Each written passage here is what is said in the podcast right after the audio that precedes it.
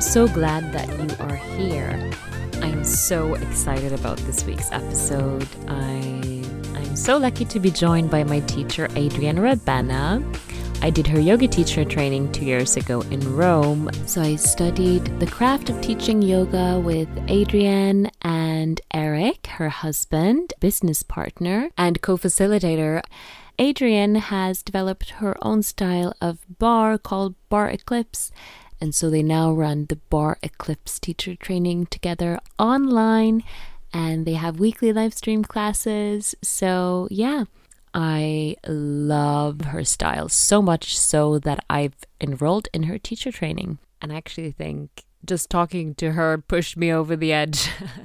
I had been thinking about it for a while and yeah, so Adrienne didn't know this when we recorded this episode. And yeah, I, I'm now challenging myself and jumping into to a whole new world. and we recorded this episode via Zoom. So if you want to watch our recording, you can just press the link in the description and it will send you straight on over to YouTube.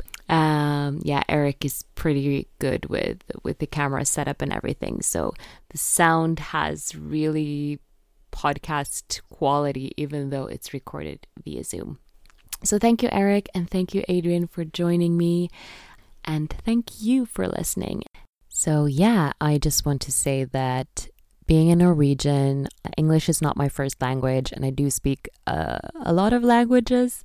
I sometimes struggle to find the right words. So, in that sense, it might be a little ironic that I've titled this podcast On Point Podcast. But I believe that I'm on point in the sense that I talk about subjects I believe truly matters. And of course, I invite guests that I know are on point with something special to share. But yeah, according to the Urban Dictionary, on point as an expression is used by people who severely lack in vocabulary, and that is me. I think I do a pretty good job, even though I might trip on my words a few times. And but thank you for having patience with me. Uh, Adrienne shares so much wisdom. Yeah, so stay tuned until the end because I always ask about my guests' self care and who they're inspired by. So, in this episode, we talk a lot about uh, yoga and how Adrienne and Eric has transitioned into only teaching bar and running the Barre eclipse teacher training online.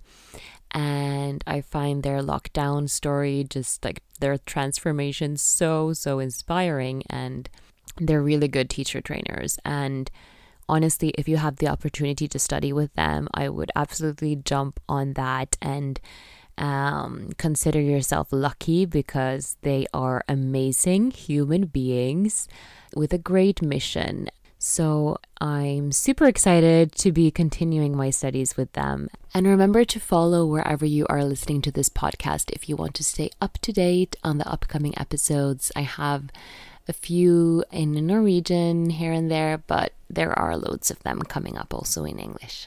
So sharing is caring. You can tag me in your stories at onpoint.podcast and share this episode with, with someone who you think might find it interesting. I would greatly appreciate that. Thank you for being here. So, yeah, let's dive into this week's episode. Hello, Adrienne. Hello. Welcome to the On Point podcast. I'm so happy to be here. it's so exciting. Oh, I'm so glad to be reconnecting with you and you know, I I do your workouts on Alo Moves and I've been to your live stream, but I met you in Rome, Italy, uh, a few years back. That's actually two years now. Oh my gosh, two years ago. Yes. And I did a yoga teacher training with you there. Mm-hmm. Yeah. Yep. that was magical being in Rome. Like it all kind of feels like a dream. Yeah it really does. Like I've lived in Italy for a decade and it still feels like a dream. it does. Like it's just like a whole other universe. It, it really is. And like, I wanted to ask, what did you, now reflecting back on yoga teacher training, the craft of teaching yoga, like, what what's your memory of it or like what's your feeling about that experience Ooh, that's a good question, Adrienne.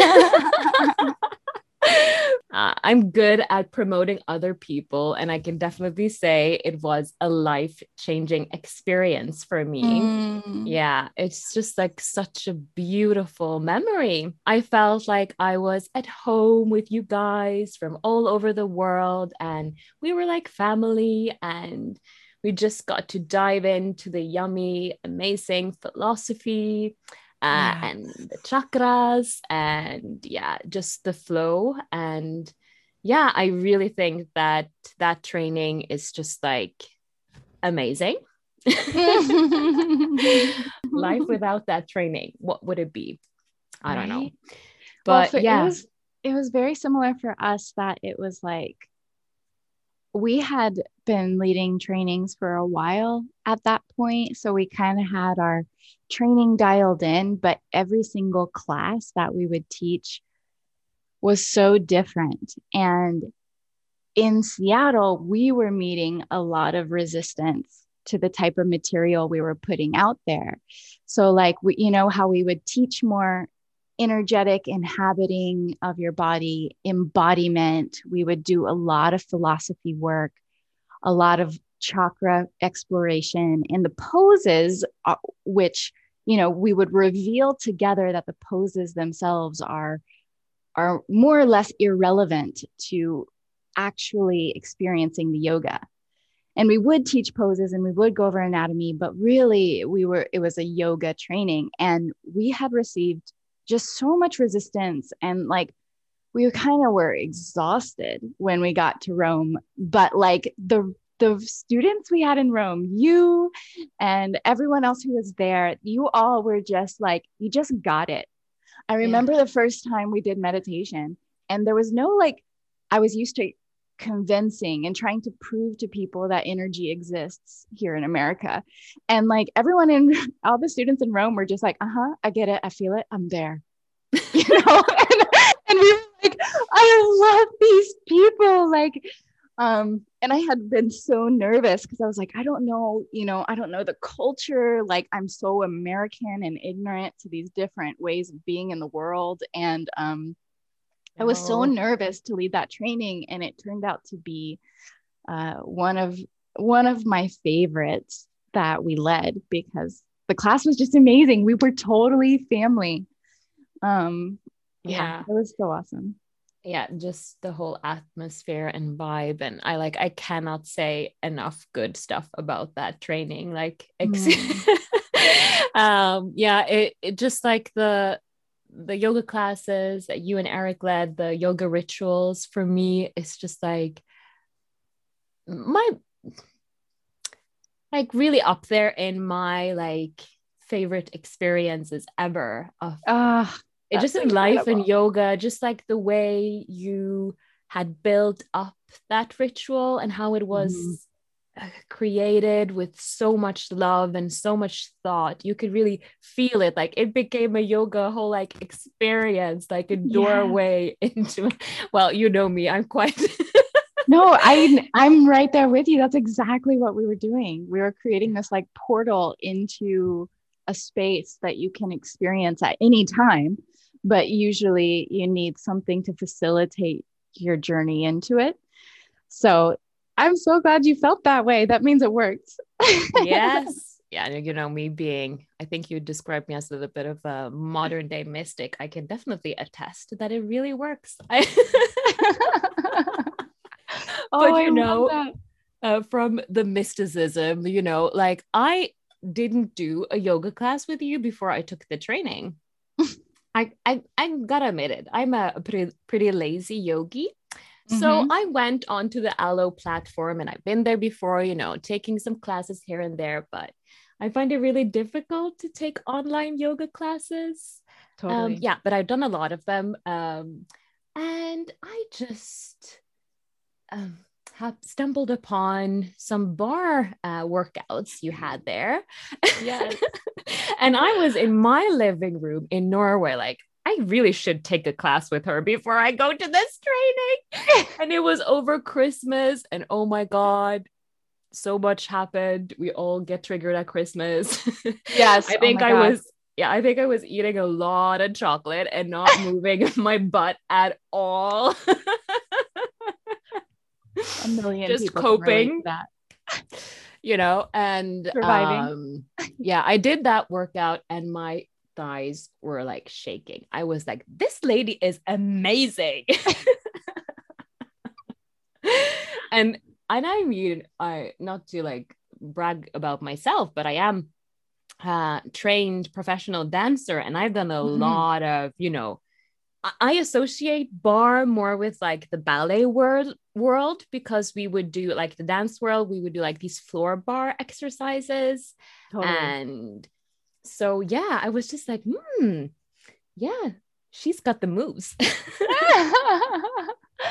oh, I'm happy to hear that. Yeah, I um I feel like I would have so I've, I've for oh, as long as I've done yoga, I've done bar and I've really kept those two worlds separate. And a lot of people were like, if they knew my yoga side, they didn't know my bar side. And if they knew my bar side, they didn't know my yoga side. So that's crazy that you were able to experience both and kind of see the dichotomy, but also probably see the overlap of both. And I, the reason I wanted to keep those worlds separate is that I in in my practice and study of yoga it's it was not about achieving a physical thing and so i didn't want to blend those two because i wanted fitness to be fitness workout to be workout you know like taking care of your bod to be taking care of your bod and then yoga it was stepping into a slipstream of spirituality and embodiment which was a very different approach to our bodies and our life. So, yeah, it was uh, Alo was interesting because I Alo had plenty of yoga teachers when they were interested in me. You know, they they didn't they weren't interested in my yoga because they already had famous yoga teachers there. So they when they were interested in my bar, I was like, sure, okay, you know, like bar I had been doing bar quietly. Like no one really knew me or my bar method or anything. And through Alo, like Alo's, my bar performed so well on their platform that it inspired them to start to shift into fitness. So they were they were doing yoga and then my bar did so well that they were like, okay, we something's happening in this fitness that we need to complement yoga with and actually separate the two. And so then my bar kind of took off and I did more bar with them. And now I only do bar, but um, it's kind of crazy how that happened. you know? Yeah. I mean, that's that's amazing to hear that. And uh yeah, I want to ask you more like you have such a varied background, but also like you used to run two yoga studios in Seattle and mm-hmm. where you did yoga and bar teacher training. So for those, you know, my listeners on my end who maybe don't know you or um, I guess a lot of your followers don't really yeah, maybe know, don't really know either your story. Totally. Yeah. Yeah. So I um let's see.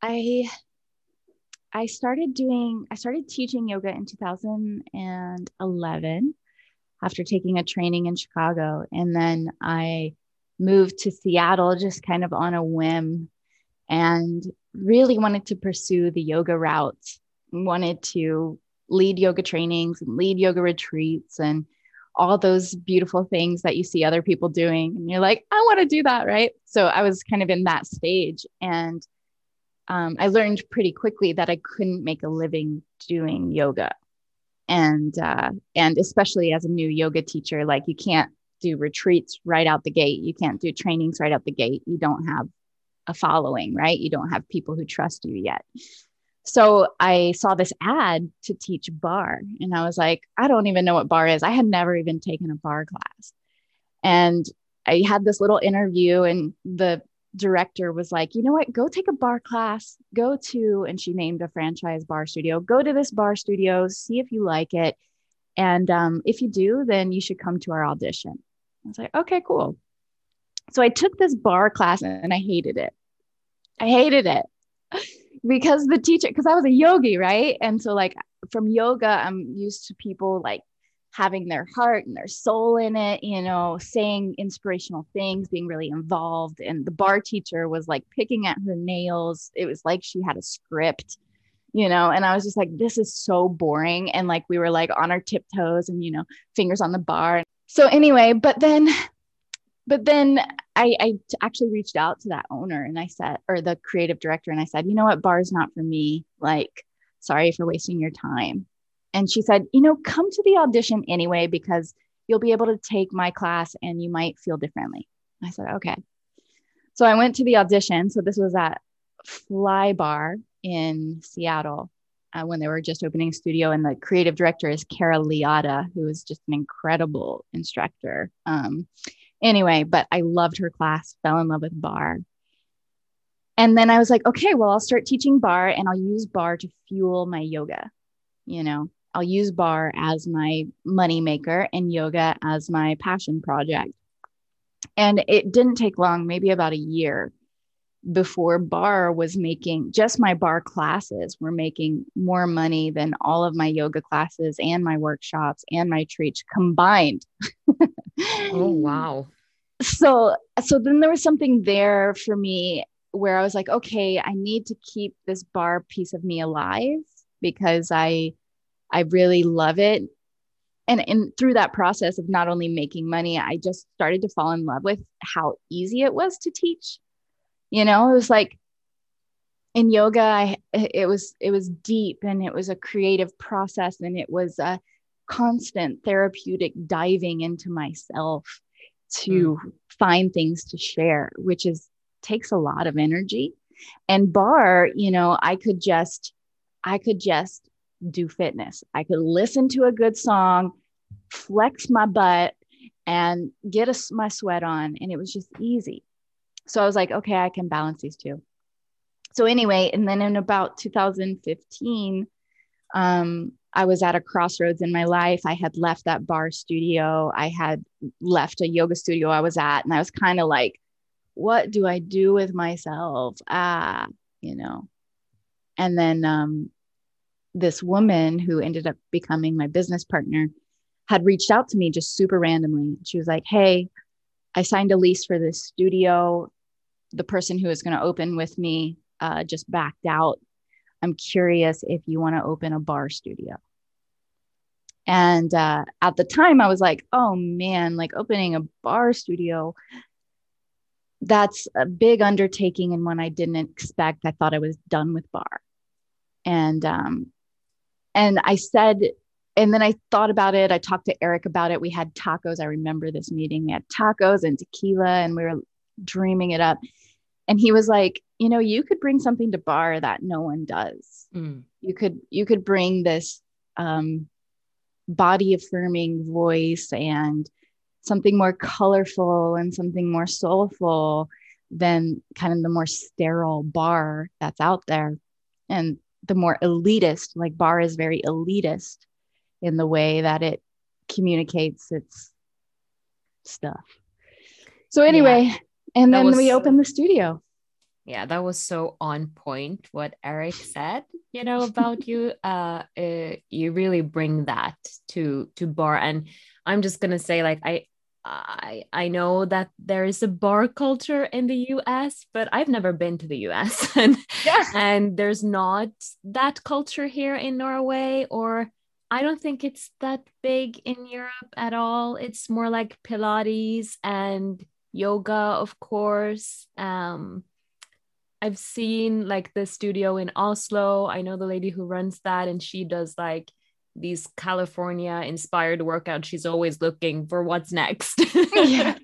uh, so she like does something kind of like it, but not really. And I've seen a lot of yoga studios trying to jump on the bar trend as you know a dancer former dancer myself myself. I know a lot of dancers who who transitioned into teaching yoga and some of them you know tried to to to do some bar classes but it didn't really uh, take off.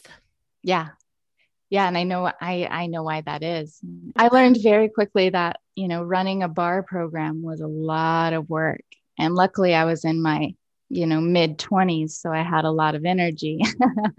Mm-hmm. But i had to keep like i quietly opened to this studio and no one knew me in fitness no one knew me in bar no one knew me in the neighborhood we were opening in and i was training you know created a method trained teachers you know was like teaching classes for free as the studio was getting on its feet. And then at the same time i wasn't even bringing any attention to that in my public my public, more like social media um, realm was all in marketing my yoga because I was also trying to lead yoga trainings and retreats and all of that. But what I learned was that a bar program, um, it, it's really difficult to build up and sustain and keep good quality of teachers. And that's why I created my, more recently, I created my online bar teacher training program, which I'll talk about in a second, I guess but just to wrap up this story so um yeah so i quite very quietly had this studio that was going for a long time. And then we opened another studio and i turned it into a yoga and bar studio instead of just bar. Um, and i still was just sharing my yoga side with people even though at the same time i was leading you know five six bar classes a week. And people just did like didn't really know about that in my yoga world And uh, fast forward to last year, 2000 and not 2020, 2019. Where did 2020 just like didn't count? It just like no, didn't even didn't exist. Um, but into I we decided to sell our studios, and we kind of came to this crossroads where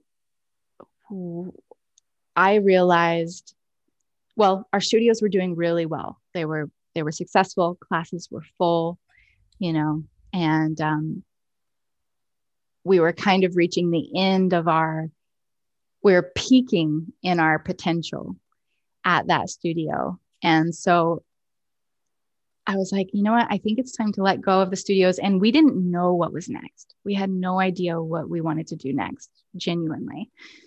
And so we uh, sold the studios in november.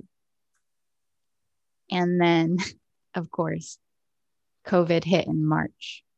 So we like dodged a bullet, you know, like local studios have gone under. that studio has since closed one of their locations that we sold, Bohemian. And anyway, we didn't know what we were going to do.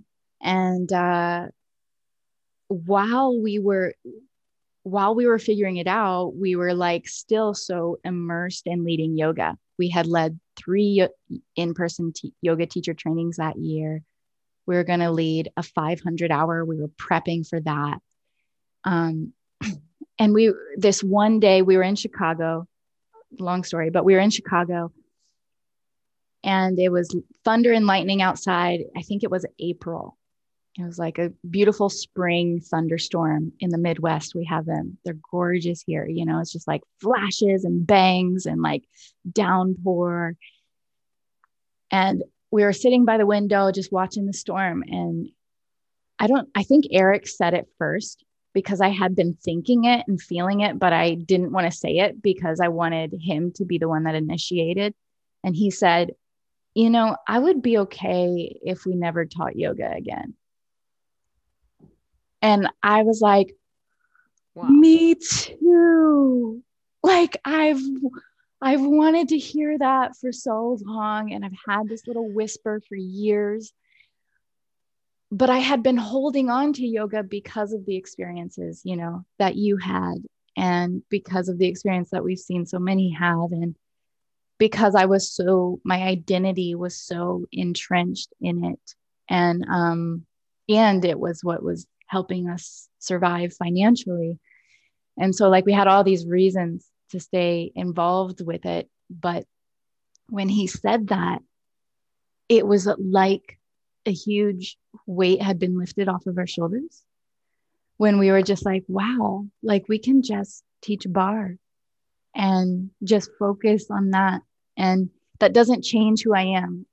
It doesn't change like all the philosophy that I believe and I study. It doesn't shift how I see the world and how yoga has changed that. Um, but making that leap was so huge, but also it wasn't huge. Like bar had been there the entire time.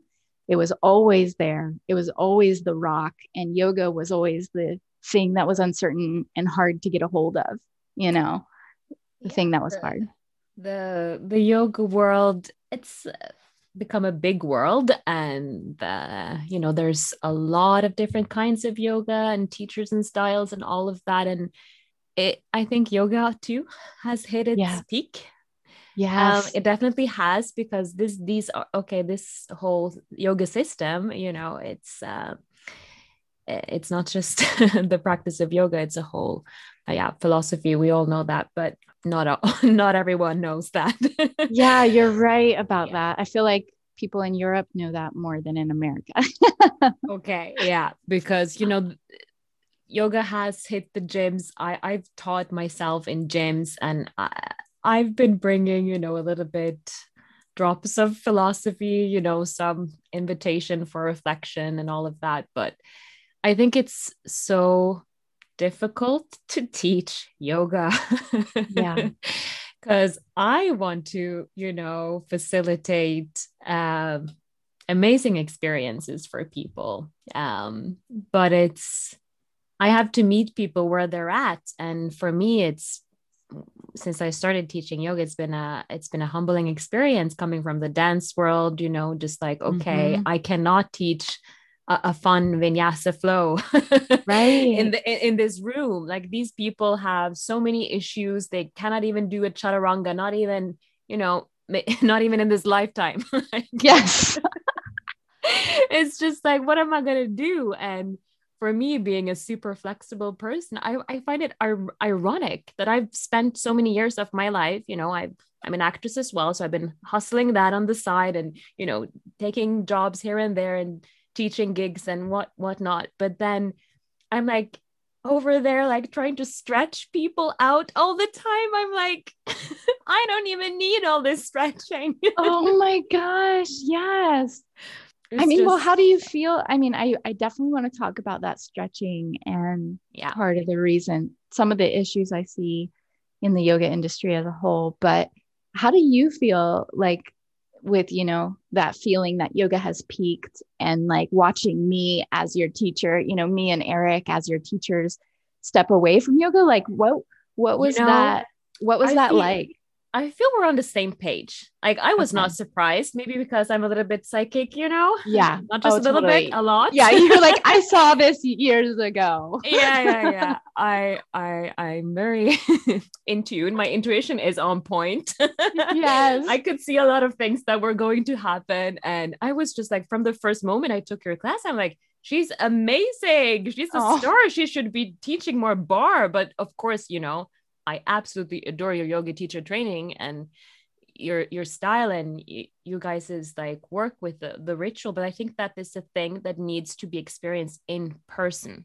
Yes. This cannot be recreated in this time space thing. Yes. And also i'm like not uh, I was not surprised, like I said, but also I feel I don't know. You can speak on yoga in the U.S., but still, like mm-hmm. if a lot of people think it's just like stretching, and mm-hmm. a lot of people come to yoga, even you know they approach maybe more power style uh, of mm-hmm. yoga, like mm-hmm. Ashtanga, and they come like for the workout or for the uh, yep. I've, I've, heard so many stories about like yeah i wanted I, I saw that madonna was doing yoga and i wanted yes. her like arms that's totally why people do it yeah that's absolutely yeah and there's this gap i find that like so there's this entry level place of where our students are entering yoga and they're entering and we probably entered from that place too. So remembering that we were there. You know we have this like expectation and this perception of what yoga is. And usually that perception is that it's about flexibility. And and you do some like circus tricks you know you do some arm balances and some handstands. And then there's this gap between the student and the instructor. And like the the more an instructor starts to reveal all of the different layers of what we call yoga. The further the instructor gets away from the student in their expectations for the room. So i hear exactly what you're saying of like you kind of have to forget all of these amazing things that you learned to actually meet the student where they are and just meeting them with like hey let's actually just think of our bodies in a different way. Like yeah. maybe that's that's the goal. Like maybe maybe we can get a little bit closer to being here for a reason that's not to get madonna's arms you know like and that process is kind of exhausting. It, it, it really is. And yeah uh, i've seen you talk about this too but just like it's exhausting holding space for people. Mm-hmm. we all have our traumas. I can you know put my hand up. I have a lot of them. Like hello. Got a lot. Got a lot working yeah. through it. Yeah. So you know it's just like it is a lot. And like where do we even begin? Yeah where do we even begin? you know and I, i'm just like with yoga it's just i see i've taught a lot of beginners and i see people coming and you know i'm here because i want to become more flexible and i'm like mm-hmm. not to like um, how do you say it not to disappoint you but i can't not guarantee you that you will ever touch your toes Yes. Like I cannot promise you anything. And I see a lot of yoga teachers do this, you know, you just have to practice and practice and it will come. Like yeah. Yeah. And that's the that's I think the big facade that was really troubling to me about being in the yoga industry. And I when I said I met resistance, you know, leading our trainings, this was part of the resistance that I met because people wanted to hear the same narrative that yoga instructors have been perpetuating for a long time which is that like if you put your head you know your foot behind your head and if you stand on your hands for hours on end like it's healthy it's spiritual it's nourishing and um, of course, that's what I believed as well when I undertook the journey of becoming a yoga teacher. But the as I, you know, studied the history of yoga, studied the anatomy of yoga, paid attention to all of the injuries that would crop up in teachers and in students and whatnot. Um, I and listen to physical therapists and listen to pe- experts who talk about the body and functionality. What I learned is that um, it's actually very harmful to do these practices every single day, like these practices being intense forward folding, deep hip opening, deep shoulder opening. Um, and so it was hard for me to try to articulate as a teacher how to create stability while also inviting in healthy stretch because people didn't want to hear that. They wanted to hear, I get my foot behind my head and I take an Instagram photo, you know, and yeah. and that's and now I'm a yogi. Or they wanted to hear, you know, I do a handstand in the middle of the room and now I'm a yogi. They didn't want to hear, hey, like that might not only not be possible in your body, but it might lead to intense injury that you have to navigate for the rest of your life. Yeah. So I want to speak just a little bit to that overstretching that I tend to talk about um, when I'm talking about my barre. So when you think about a joint capsule, like your shoulder or your hip, because these are ones that we use so frequently, um, you can think about it like it's like a, a bunch of muscles interwoven to hold that joint in place, right? So there's like fascia, there's muscles, there's tendons, there's ligaments, all just holding it in place. And the whole the the job of that area is to hold the joint in place. So when we stretch it and stretch it and stretch it and stretch it and stretch it, we begin to stretch not only the fascia and the muscle, but we start to stretch our tendons and our ligaments. And tendons and ligaments um, are, as we taught you guys in our yoga teacher training, are not, um, oh, what is the word? They're not resilient. So they, when they stretch, they don't go back. Hmm. Whereas a muscle will stretch and it'll come back. Um, or fascia will stretch and come back, but your your connective tissue, what connects your bone to your bone or your muscle to your bone, that does not go back, which means that stretching and stretching and stretching and stretching and stretching starts to destabilize the joint. So if you think about your shoulder being in this socket, as you're moving your arm, right, it's connected. Now imagine you loosen that up and you loosen it up in a permanent way a way that you can't reverse, right? Now there's more space between your your bone and your hip or your socket, your shoulder socket, and the bones of your shoulder socket. So there's more movement. And because there's more movement, there's more friction and more chance of injury, right? Because now this bone isn't held where it was. It's now loose, it's now volatile, right?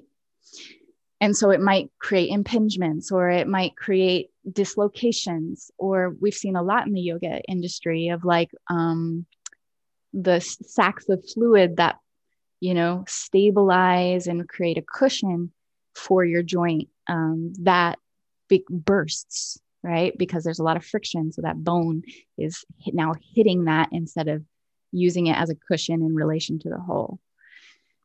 So I don't want to like people to walk away and think doing yoga is bad because that's not the message here. It's more that when we believe the idea that stretching and stretching and stretching and stretching splits, splits, splits, foot behind our head, foot behind our head, take my arm to the opposite side of my body. Like when we ah. believe that that's healthy and we do it every single day, we're like kind of asking for injury to happen and we don't know it because our teachers are saying it's healthy, it's good for you, it's releasing your traumas, you know, it's opening your ah. heart.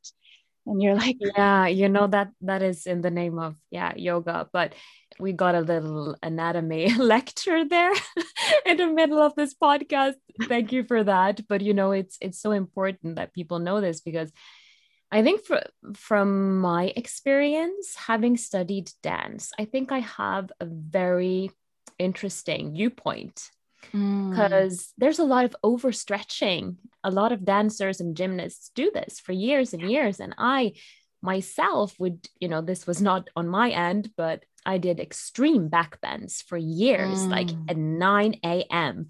and every day. And the, I was just thinking, this is not good. You know, I had to do the movement because everybody was doing it. And I really learned a lot. Um, from mm. um, my experience with other teachers, just like with their hip injuries like you see now yes, in yoga you but from the teachers yep getting yeah, hip injuries mm-hmm. all the time just like oh they couldn't even sit down and they had to walk around and i was just like this is not normal you know they usually retire at like 30 years old and i'm like i am not gonna end up like that but yeah I, I just look back and i was completely crazy like i was brainwashed yeah. I used to go to sleep with my foot behind my head almost. Like I wow. would stretch and stretch and stretch, pleasing my teacher, trying to get her approval yeah. of me, you know? Yes. Um, so I completely abandoned myself. And then I got into the yoga and the meditation again. Mm-hmm. And I mm-hmm. turned to that.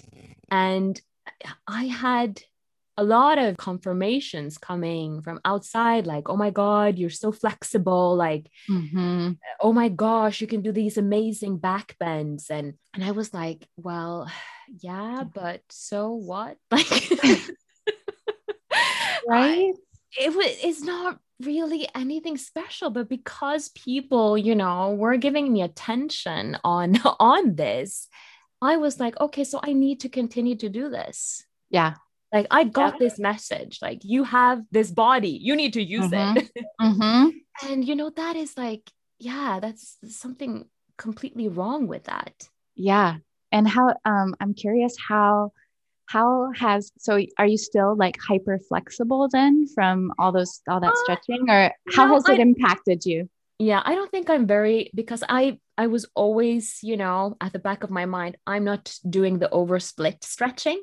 Ah. uh, i'm yeah. now i'm not going into that and i try to strengthen myself i was overworking uh, my muscles a lot so i there were years where I didn't really work out, you know, mm-hmm. hitting burnout and all of that, and trying to rebuild my body and doing other types of exercise. Like I would run and I would, you know, try to do some reps here and there. I, yeah. I had not yet discovered barre. Seeing all of this, I really wanted to prevent injuries and have a sustainable practice because I've overstretched, not on purpose, because I believed it was good. Like I right. did office stretches and I mm-hmm. taught a lot of yoga at times, and I would really get like this injury in my shoulder. Like I, I've heard you talked about yours, and mm-hmm. I remember this in in the teacher training. Like my body was just really suffering mm-hmm. Mm-hmm. like my mm-hmm. shoulder and i was just like oh i cannot do this but i was you know that whole other level of like i don't care if i don't do all the poses. I don't yes. care. I know it's yeah. not about that. And having done another yoga teacher training where they heavily emphasize, you know, headstands and yes, I I used to stand on my my head, but yeah, mm-hmm. I I don't promote that at all. Right. Yeah.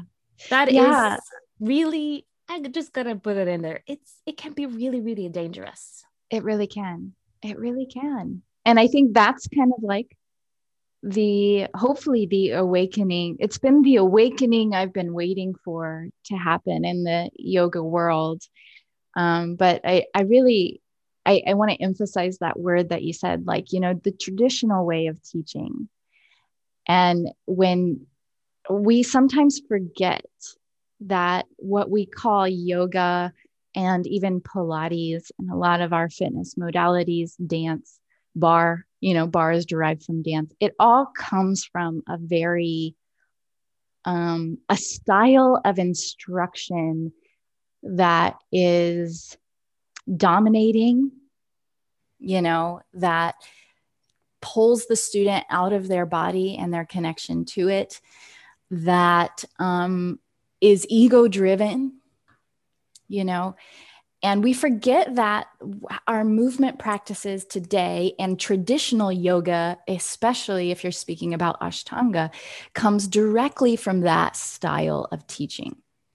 And I hope that, you know, it seems like in the past five years, uh, uh, a lot of yoga has been fused with thoughts, self help and therapy and somatic therapy. And hopefully, humans are realizing, like you're realizing, that that is not the way to be in the world.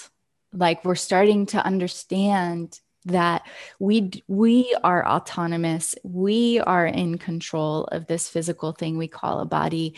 And um as an instructor, we have to challenge ourselves to put the power in the hands of the student and invite them invite them to experience things not because it's good or bad but because it brings aliveness and embody, embodiment right and so that's that was kind of like an awakening for me and part of the reason that I decided to move away from yoga. I think the, the thing that's hard, the one thing that changes the conversation about yoga entirely is the word yoga. Hmm.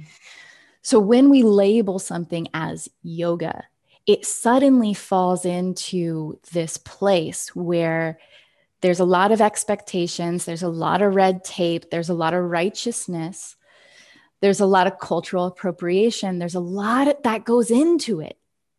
But when we take away that word entirely and we say, we're doing, um, we're doing a flowing movement for energetic healing, you know, yeah. then it becomes this liberation it becomes this space that we can actually nourish and we can actually get at what our intention is.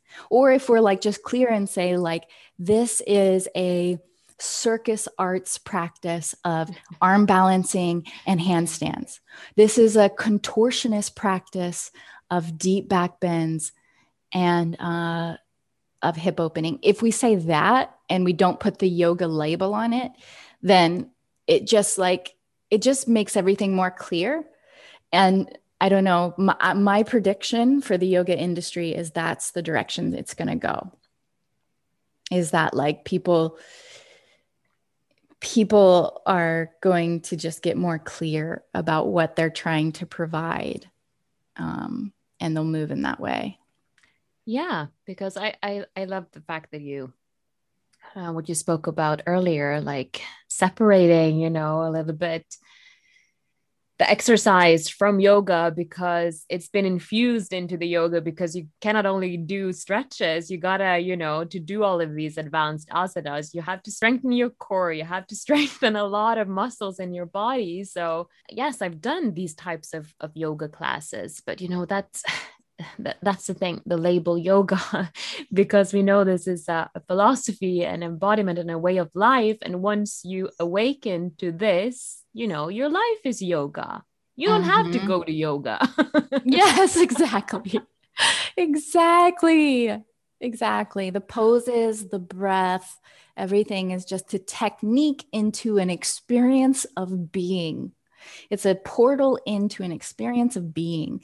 And you can when you have when you have that experience of being so readily accessible to you you don't have to do a warrior two to get there you know you don't have to sit down and do the pranayam to get there um, no, but just, those not yeah. not to say those practices are are obsolete because i think those are great practices to pull us back into the experience yes. but um yeah yeah, absolutely. Really want to move into this whole like body, you know, positivity or just like, mm-hmm. you know, I don't know what you mm-hmm. call it, but this embodiment and this like in fitness and barre and even in yoga. I mean, like we touched upon like coming to yoga for the yoga bod. Like I had mm-hmm. a, in a gym where I taught the owner, she was just like, Oh, you you kind of look good for just doing yoga.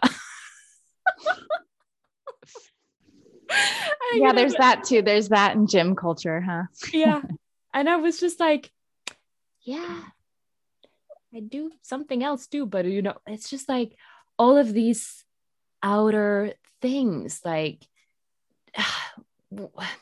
it doesn't matter what you look like. Like, can we get yeah. over this thing? Yeah. Already? Can we get over it? Oh my goodness. Yeah. Yeah. And there's there's a lot of money behind um there's a lot of money that people make off of making others feel inferior. Like there's so much money in that. And I think we're kind of in this radical space where we're starting to realize that we don't fall for it anymore and it's it's getting bigger like i'm noticing more and more people refusing to believe the lies they're being told about themselves, refusing to adhere to certain body standards or expectations. Um, so that's pretty exciting. And yeah. I feel like that's that's something that I'm passionate about bringing to the barre world. And uh, you know, I'm I'm still very immersed in healing and immersed in um, positivity and in all these amazing things that I gathered from the yoga world, but I bring that into my barre classes and I don't do it explicitly in the way that you would do in yoga. Um, I do it more implicitly, where I the language I use, the the way I represent myself and things like that serve as a a, a way of being that hopefully is different for people who are coming into barre. And then also as an instructor, like leading trainings and whatnot, as an instructor, it kind of takes the pressure off a bit to like know all these things about history and energetic anatomy and trauma and therapy and like all these crazy things that yoga instructors have imposed upon themselves that they have to be. In barre, we're just more honest about who we are. We're not pretending that we know these things that we don't know. And we're instead trying to understand and be better and be agents of change. But um, but we're not under the pressure that like a yoga instructor is, which which I really love. And it's just very refreshing to be able to teach it. Um, you know it feels much better to teach that than to teach teach yoga right now so that was part of my reason for just like i'm just going to step away from yoga for a while you know i can't say i will never return to it or never never return to teaching something similar to it but i'm really vibing with the barre Bar is like medicine for me right now it's fun easy light feels good you yes. know it feels amazing. And even me, like in lockdown, I was just like so happy that I had just like found your you and your workouts because I'm pretty picky, like a lot of people are. I, have yes. noticed like some comments here and there, and I'm like, oh, you know, you really have to vibe with an instructor. And I mean, like your yoga boys and your style of teaching and all of that. I'm like, at most people i'm i get pretty annoyed really really quickly like i don't want to do you know this workout it's so it's so hard it's hard already like i need yes. someone like gentle and sweet just to push me through it and starting out with just like a 10 minute workout if you're feeling really lazy, like that can change your whole vibe and whole day. But just like your style mm. and just like it feels so empowering and you feel so strong. Like for me, that's, yes. you know, being super flexible. I don't want to feed into that. I want to strengthen my body and yes. just feel good. yes, especially for dancers and for yogis. Like, barre is just, it's kind of like the medicine that we need from from years of overstretching. Yeah and also like as we know from our yoga studies whatever we do to our bodies impacts our energetic layers right? And it impacts us on a way that we might not be able to articulate but we can certainly feel. And barre especially i, I also really like it because barre is a is a is geared towards people in who identify as female you know? And where females have their strength is in their legs and in their hips. Where males have a lot of their strength male people who identify as male so these are very generic terms to to point out this binary but um, males have a lot of upper body strength right? So yoga is geared towards a male body you know arm balances handstands things like that and so barre is really the opposite of that. Like we focus a lot on leg, leg, butt, core, right? And arms are kind of like a cherry on top. So it really helps. Like it's so it goes so good with yoga, which is why I, you know, added the yoga and barre studio together and why I think a lot of yoga studios want to add it. Um, but anyway, energetically, our legs and our hips, our legs are our root, our foundation, our sense of security, power, strength, right? Like that's all in our legs.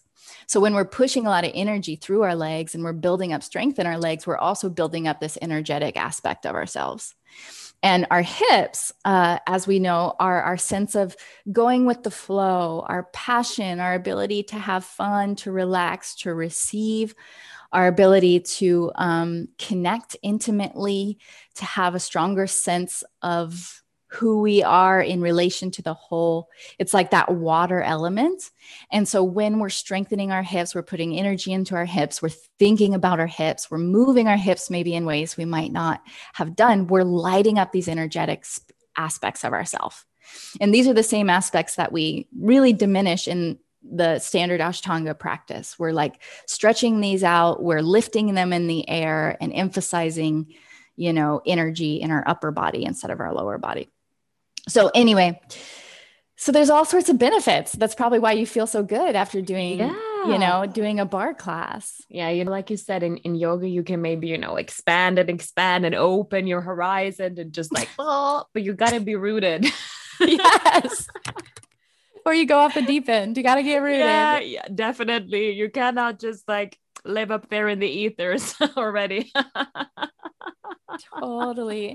And I, I think that's another reason why barre feels so good right now in the state of the world today. So, you know, if this interview lives a long time, so we're in the year 2021 and we've had such a tumultuous year uh, as a world. And having something that is grounding and practical and tangible feels really balancing. Mm. Um, you know, yeah definitely on point. Like that is uh what i've been looking for you know? This like you said it's been my medicine and i'm yeah. Yeah barre has definitely been one of the things that has gotten me through 2020 that is for sure me too. Me too. Barre has has been incredible. Yeah. So. Yeah so tell us more about like your your barre teacher training. Yeah. So right now i am there's a few places you can find me. I'm on Alo Moves for classes. That's where all my on demand classes are. And then I do a weekly live stream class that people can attend live or catch the replay. and then where I really love to spend my time and energy is in my online barre teacher training program. And we designed this program when studios were shutting down and we couldn't lead this this program in person. And we envisioned it to be a program that could sustain barre programs at studios. You know like that was our original vision because it's very difficult to train instructors to recruit instructors to train instructors to keep them doing good and to create a network amongst your barre teachers. So we were like, we could do all that, you know, with this online course. And so anyway, like all this this course lived in my head and Eric was like, let's put it on paper. So we we wrote a manual and we recorded the whole thing and it's the same I mean it's it's enhanced, but it was it was the method I used to open my studios and barre was the thing that made money for my studios. So, anyway, we wanted to share that with people because we were like, we just have it, you know, it's in my head. Like, we have the skills, we have the ability. And now we have trained over 100 instructors online so far. And what's been really impressive and amazing is that these instructors are, their quality of teaching is better up, upon graduation is better than my in-person programs. Wow. And I know I was so, you know, surprised by that because usually someone would have to graduate and then they'd still need a lot of practice before they got to the point of like I'm thinking, "Oh, you're good. You've nailed it." Right? Um but I think it's because it's online. People can go back to the lectures, they can revisit it, they can practice, they can do it at their own pace so that they can just keep going and going and going until they feel comfortable and then share their teaching as opposed to trying to squeeze it all in a week or squeeze it all in like two or three weekends and then you teach right? So yeah. it's it's really been surprising at how effective it's been. And um how many doors it's opened we, we're like so excited for the economy to open back up because these are great teachers, and I can't wait for them to teach in their communities around the world. We have every continent represented besides Antarctica. So it's pretty cool. That's amazing. Oh my God. Yeah, it's just how, like, without this year and these challenges, you probably wouldn't be where you are right now. You're absolutely right about that. You are absolutely right. Like, we just feel very lucky that we get to share it in this way and um, that that we're serving people ultimately you know if yes. people want to share share this type of work with their communities, now they can. They don't have to live in a big city. You know, they don't have to be close to someone who is a famous barre teacher. They can just do it online and have the same quality and the same same teaching as these really high quality franchises and things like that. So it's pretty cool. Yeah, I mean like uh, well, we are lucky to be experiencing this. So you I mean you've been hustling hustling and hustling and hustling. I know that. Like so much work has been put into this. Like you guys over deliver on everything. I blame Eric. He's definitely like the, you know, I have the ideas and then he has the follow through and he's the one that always makes it even better. You know, I'm like, we could just record it on our phones and then look, look at my, look at this interview setup you know he has lighting he has professional cameras it, he just I mean, does things over yeah. the top and yeah um, i love that if you're gonna get noticed you gotta put in the love so true. And i think um people don't understand that like so a lot of it's so funny people will reach out to me and they'll say you know have you like have you ever taught in person before? And i was like oh sweetheart. Like this teaching journey has been a 10 year process you know this online i've been teaching online since 2015 so it wasn't like i just you know, it wasn't like it all just happened all of a sudden, even though the shutdown definitely accelerated the direction we were going. Um, it happened slowly over the course of time and with to your point with a lot of work and intention and effort. Um, but we also just feel really lucky that we have people who are interested in our work and who enjoy our work you know like that's amazing. Yeah, it's great it when people like it you know yeah, definitely is. Oh yeah, Barre Eclipse. Barre Eclipse is my teacher training. So I just created an Instagram for that specific for instructors or people interested in training called Barre Eclipse. And um, I also have my Barre with Adrienne Instagram handle. And if anyone's on Insta, like that's where I engage. That's that's where I am. I'm not really on the other social platforms. So that's where everyone can find me if they're interested yeah. in joining of course i'll leave all your links below but um yeah i just want to ask you about like your personal self-care rituals like other than barre, like yeah. Yes. Oh so many. I feel like this this covid era has really helped me. It grounded me like i was so spread thin and doing too much, like running studios, running yoga, running barre. And now it's just barre. And what that's enabled me to do is create some really nice self care routines. So I just want to put that out there because I haven't always been like this and I haven't always tended to myself. And it's a new thing for me that I enjoy. Um, but the first thing that I think is really important for my own self care is um, and I know this is inaccessible to a lot of people, but is uh, sleeping in.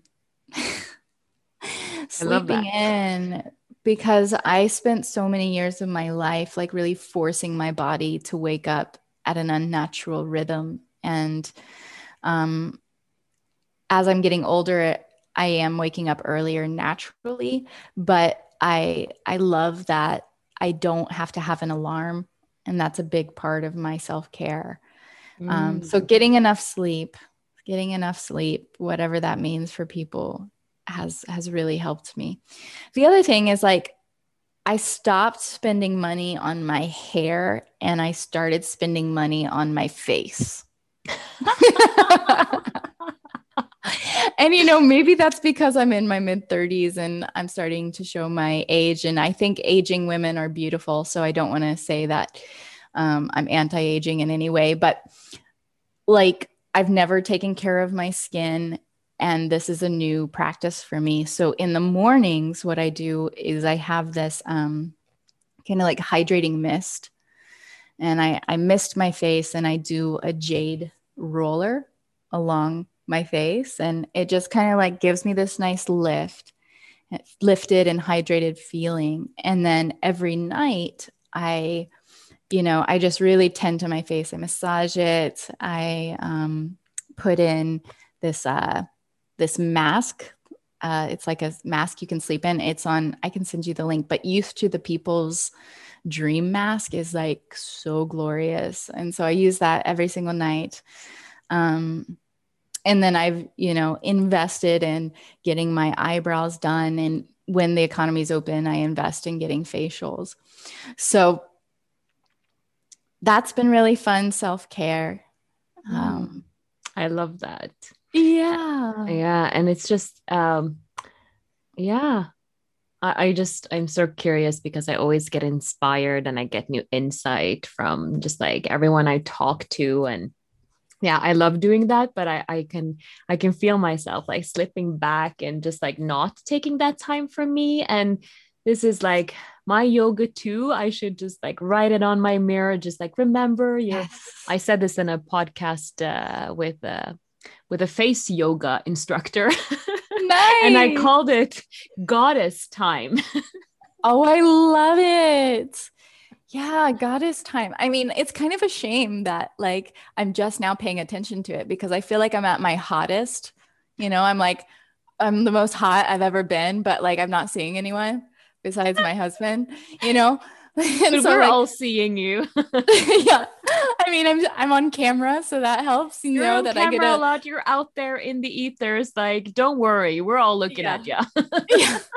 yeah, I'm pretty sure I'm like at the peaking point before I start to turn. You know, my hair is turning gray, and which like like I love a wise woman, so I want to be one of those wise old wise women with wrinkly face and like a a whole head of silver hair that just gives no fucks and says what she feels. Like i can't wait to be that woman. Yeah. um but as far like as not like yet. Like not not yet. Not yet. But right now i'm like focusing on being hot.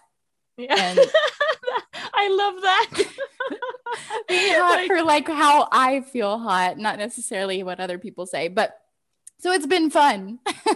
Yeah you know this is for me to like uh out of all these adversities and of all these challenges, you know, I pushed myself to do other stuff and just like, yes, you know, of course, if you're going through a, through a hard time, like I feel you, and you know, but for me, I'm like, I was so ready to go out into the world when when COVID hits. so I was just like, damn it, damn but I'm not gonna let that. It.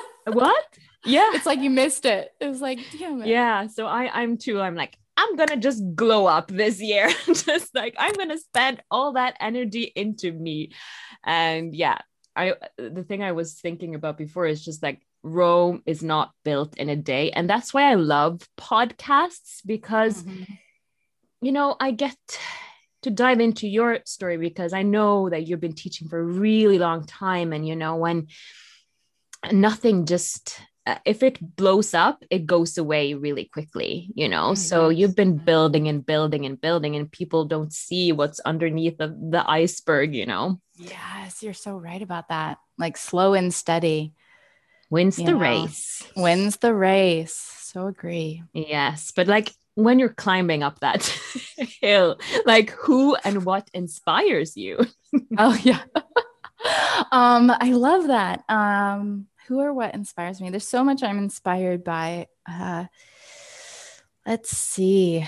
Who or what inspires me? So much. I'm trying to narrow it down and find like something tangible because I'm I'm actually not for better or for worse. It's hard for me to find a role model in the fitness industry because of all the reasons we talked about and in the yoga industry. So it's not like I follow the footsteps of these type of people, but I do pay attention to um, how they're engaging in the world and how I can use what they're doing to leave lead positive a positive impact. So anyway, um, the people I really are inspired by are people who are making change on a grand scale and uh, people like um, Stacey Abrams here in the US. She mobilized a grassroots coalition pretty much that enabled millions of black people to be able to vote and in our in the southern states our southern states here in the US have you know the largest populations of black people and yet uh, they're the most conservative you know they have historically voted for a conservative president who doesn't represent the actual um, needs of these black folks. And so anyway stacey just like she just did all of this work to just open the open the doorways for black people to vote educate black people about voting and she flipped the state of georgia from red to blue. And it like w- what that did for me it was just like oh my gosh this person is changing history like in a really big way. And yet she didn't do it flamboyantly. She didn't do it by going on instagram and showing herself in a cute outfit right? She did it by like having conversations by making small moves on a micro level and allowing that to slowly percolate up so that's how i think about me being in the fitness world is like i make these you know teacher by teacher we educate about culture, about um, body shaming, about the body, about holistic movement, about being leaders, and like person by person, we're slowly shifting this this tide of of the direction we're headed um, and before we know it it's just you know those people teach more people and those people teach more people and it just ripples out and becomes the new way and the the normal way of being in the fitness world. So yeah, I'd say right now Stacey is like I can Stacey is the one I keep coming back to. I love that. Just like a pioneer, like paving the way. But you know, it's I think that this work of you know, you could say like being a fitness instructor or teaching barre, but I feel like this is such a great vocation. Yeah.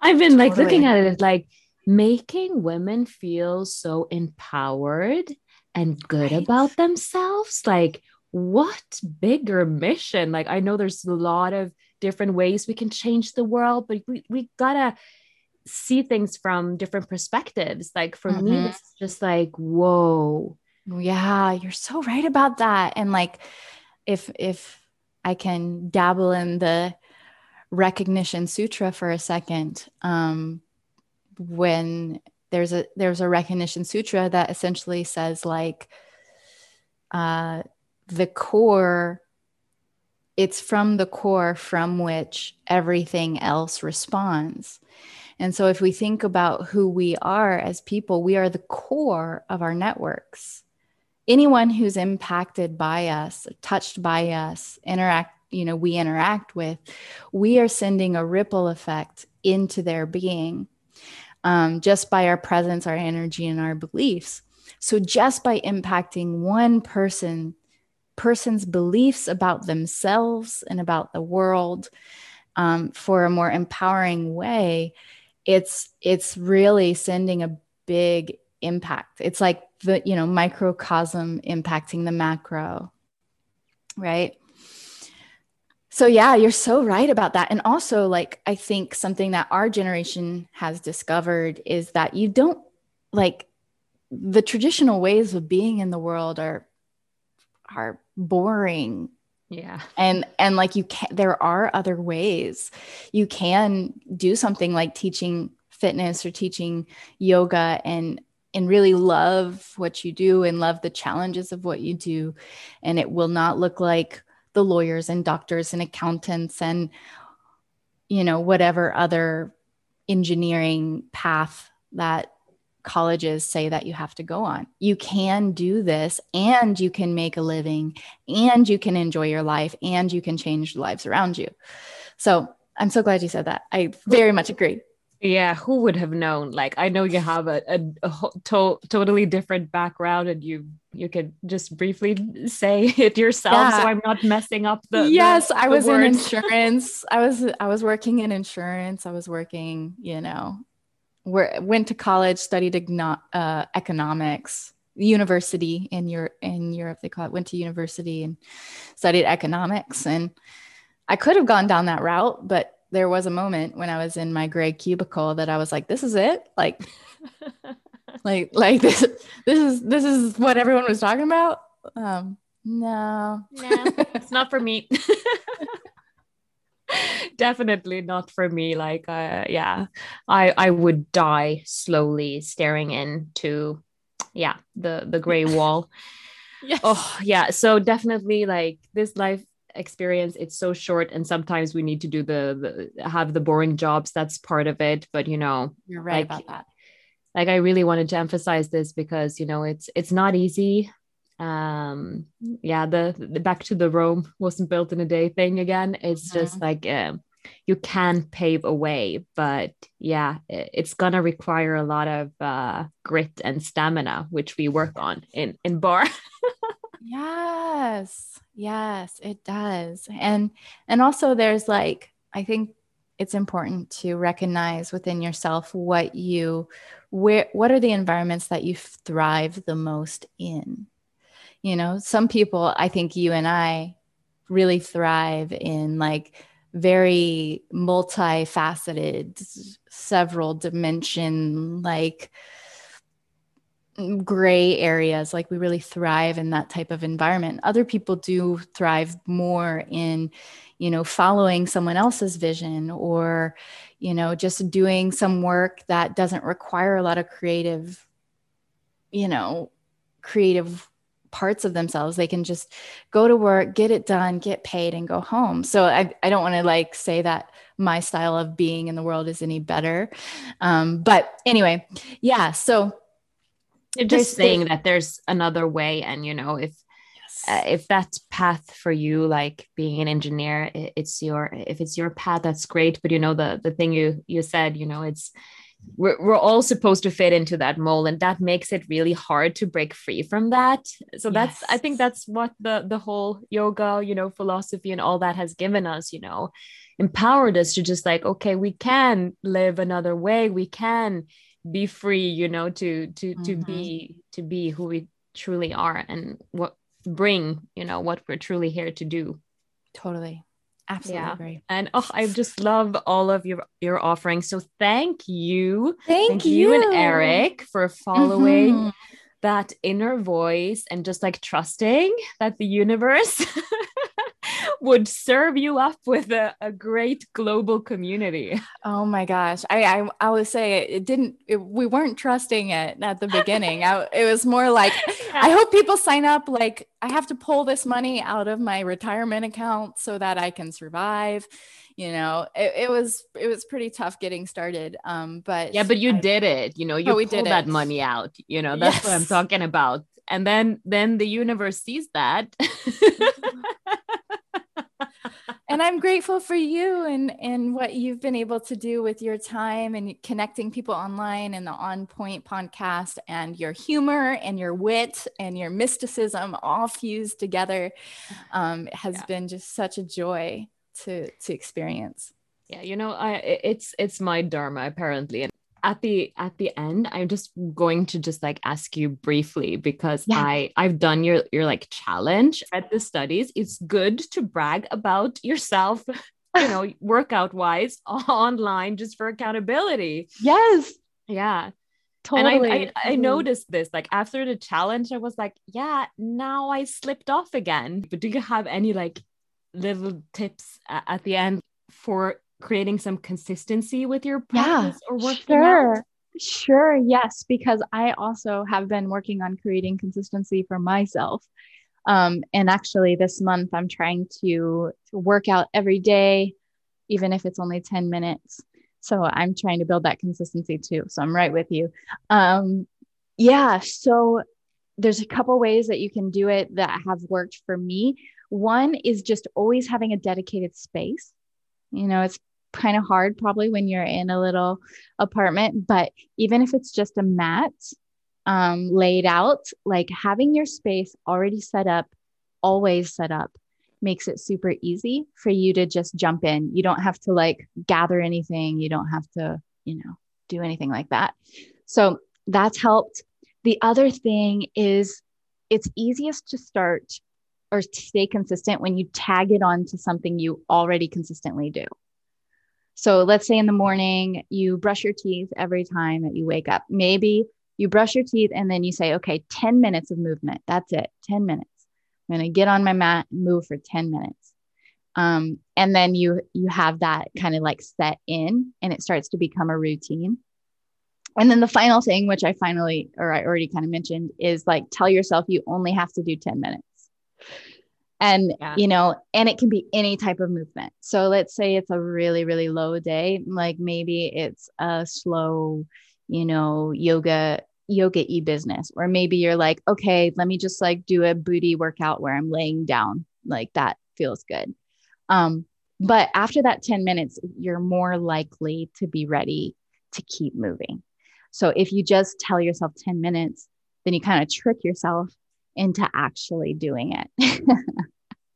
yeah, that, that is a good point because that's how I started. I was just like, I'm going just going to do 10 minutes. Yes. And then it got into 20. Yes. And those were really hard, but it's just like, okay, Iselin, it's just 20 minutes. You're going to do mm-hmm. this. Like, it's really hard. And Adrienne is really pushing you. And oh, I'm dying but it's just 20 minutes because when I'm online, I'm I gotta admit, I go and check the time. Like, yes, how many minutes is left? and if it's just, you know, five or three, you can do it, you can push through. And when I did your challenge, I didn't know, you know, the latest series. yes, that's a that it was 40 minutes tricked you. Ha ha ha. But that was good because when I went back to the 20 minutes, I was like, done already? I want to do another one. exactly. Exactly.